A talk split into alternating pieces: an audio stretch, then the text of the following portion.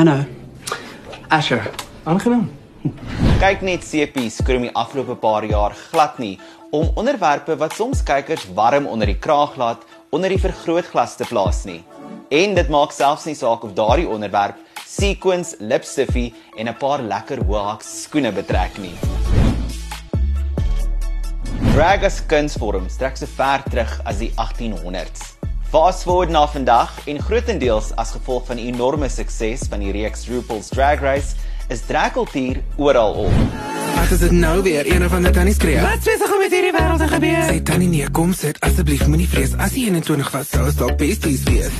Toe troufotograaf Edu Mostert as 'n deelnemer op die werklikheidsreeks wat dit vat gekies is, het kykers in 'n kits geweet dat hierdie sanger glad nie by tradisionele norms gaan hou nie. Die program wat aan die einde van 2021 afgeskop het, het in doel gestel om drie alledaagse Suid-Afrikaners met die hulp van Lucky Rothman in Afrikaanse popsterre te verander. As a queen bee bitch, kalm soos 'n walm as ek straat. Goud glitter bord hier, val maak jy nat. Mega nigga vibes aan die pad. Positiviteit en spite, rozen geniaal. Ons op boude uit work, baby work, pull shapes. Conservatieve koeken freak nou uit. Ek sê ek sal maar sê my, ek sê jou man, wat so lekker vir my op so onderlik by. Ja, dit is my altyd lekker om met jou te chat. I've been journeying through jou wat dit vat reis die laaste paar weke en is my lekker om te sien dat jy vanaf die begin af regtig doelbewus was met jou genderidentiteit en jou jou, jou kreatiwiteit rondom klere en en wie jy is en hoe authentic dit is.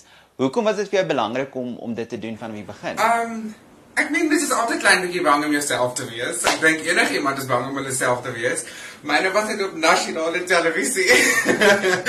maar ek moet sê die span het my so gemaklik gemaak in myself en die groter doel van dit was mos maar om vir kleiner Edos te inspire om hulle self te wees. So ek was soos alle kere wat ek nie lekker gevoel het nie of nie gevoel het of ek kan deurdruk vandag of wat ek al was ek net soos dink net aan die mense wat jy probeer help en dan het dit my deurgevat. Dis ook amazing om te sien dat na die wat dit vat reis het jy regtig soos baie ander mense 'n loopbaan of inkomste kon verdien van drag en en jou gender uitdrukking.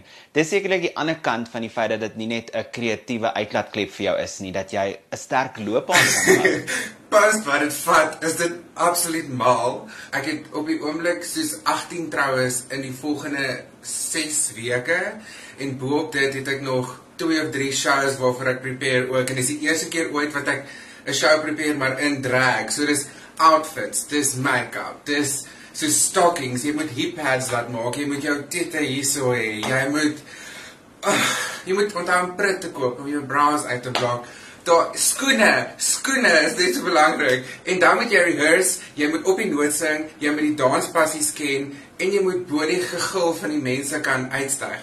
So my brein is besig om in 9 miljoen verskillende plekke te gaan. En dan het ek nou nog hierdie beautiful soos opportunities ook om mense om met mense soos jy te gesels.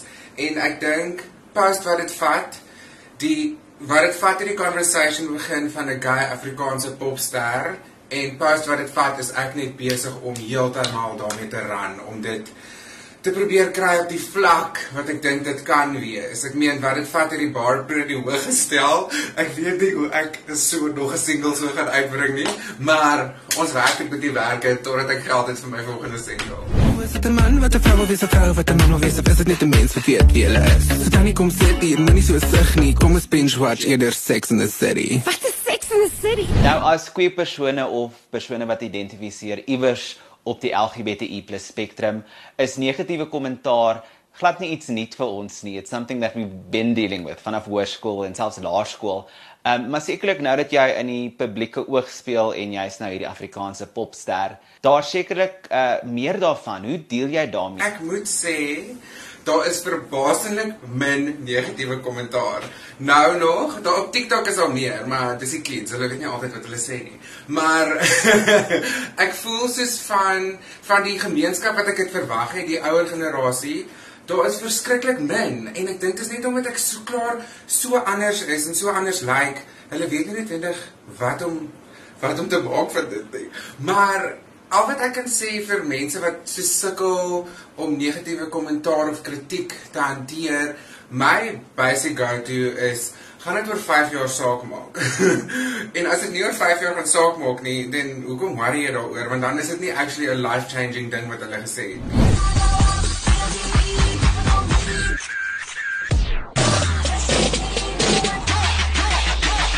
Storyline rondom drag is glad nie 'n nuwe verskynsel op die kassie of op die silwerdoek nie. Maar die gewilde kyk net sepie getroud met rugby pak hierdie onderwerp by die horings met 'n splinternuwe storielyn wat kykers blootstel aan die kleurvolle binnewerkinge van fopdossery. Gig? Is is jy 'n performer? Of sorts. My dear. Philip, jy is, is begin dinge met 'n bang opgetrek met rugby. Dis altyd lekker vir my om te sien dat die storielyne en die karakters wat ons sien op ons Afrikaanse sepies regtig soms die boundary push. Praat my bietjie deur die proses. Hoe skep 'n mens 'n drag karakter vir 'n Afrikaanse sepie? The hair, the make-up, die die naam. What's the process? Ehm um, Ronaldo weet jy wat, ek het ehm um, Dion het my gebel. Hy was soos hoor jy hulle soek 'n nuwe love interest vir Reyno, die ehm um, rugby kaptein. So toe bel hy my toe sê my cool, hy sal graag wil hê ek moet inkom as 'n nuwe love interest, lekker. Toe hy my op Instagram 'n bietjie gaan kyk wat doen ek. Toe bel hy my toe sê hy my hoorie, dit mag nou snaaks wees, maar hy dink hy wil vir hierdie karakter 'n drag alter ego skep. Ek was dis soos, hoe weet jy ek doen weet jy ek doen drag? Hoe hoe jy tot op hierdie konsep gekom sê jy het my gaan bietjie gaan check op Instagram en um, ek het nie regtig veel inset gehad op die karakter Asher, Ashton se drag alter ego nie, maar ek het my eie alter ego wat Listexia is en um ek dink die twee korrespondeer bietjie met mekaar maar ook nie eintlik nie soos ek het nie my eie make-up gedoen vir die um vir baie van die uh, baie van die tonele nie. Um en ek dink dit was my 'n massive ding was om weg te tree en te gaan ek het cool skep jy op my wat jy dink hierdie karakter moet wees want ek is so um erg as dit kom by my my ek op met dysleksia is ek soos hektiek soos dis dit moet lyk like, dis ek moet praat dis dit moet my klere moet wees. En om net vir hulle free range te gee waar om te gaan en sê ek doen wat julle dink gaan fyn wees. Maar ek was regtig baie gemaklik. Ek my eie pruike gedra en my eie skoene gedra en hulle costumes gedra. This is that wow.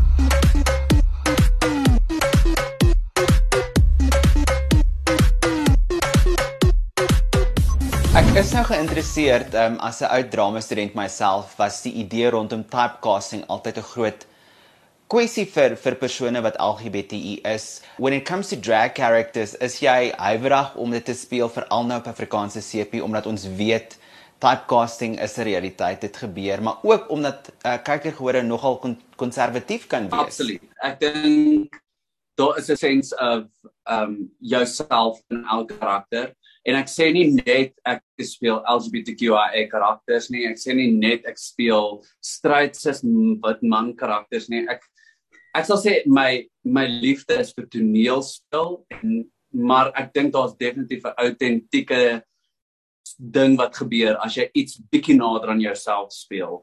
Um ek sal nie sê ek is wat Ashton is nie, maar my geaardheid is baie meer Ashton as wat ek sal sê dit Fransja van Suidooster is ek is 'n bietjie meer flamboyant. Ek is 'n bietjie meer gehappy in my eie vel. Om ek, ek kom van die plaas af. So ek ek love 'n boerie boertjie karakter en 'n 'n lekker ek was in ons vir jou die musical en dit was amazing geweest. Ek meen dis klomp boerseun. So maar so dit is waarin ek ook ek totally gemaklik in enige rol. Ek sal nie sê ek limit myself tot op 'n sekere vlak nie. Ja, so jy sê ek dink jy moet definitief 'n sense of authenticity bring aan 'n karakter veral met drag en dit is die eerste keer wat dit gedoen word op TV veral op Suid-Afrikaanse Afrikaanse sepie. Ehm um, so die mense is nie gewoond daaraan hulle dink jy is daar om ehm um, hulle kinders te verlei of ehm um, hulle mans te verlei of ek weet nie wat se goed die tannies als aan kan dink nie. nou as daar een ding is wat ons van hierdie twee karakters moet leer, is dat 'n autentieke lewe sekerlik die beste is. Gesels saam aanlyn #kassiekeiers op Facebook, Twitter en Instagram. Tot volgende keer.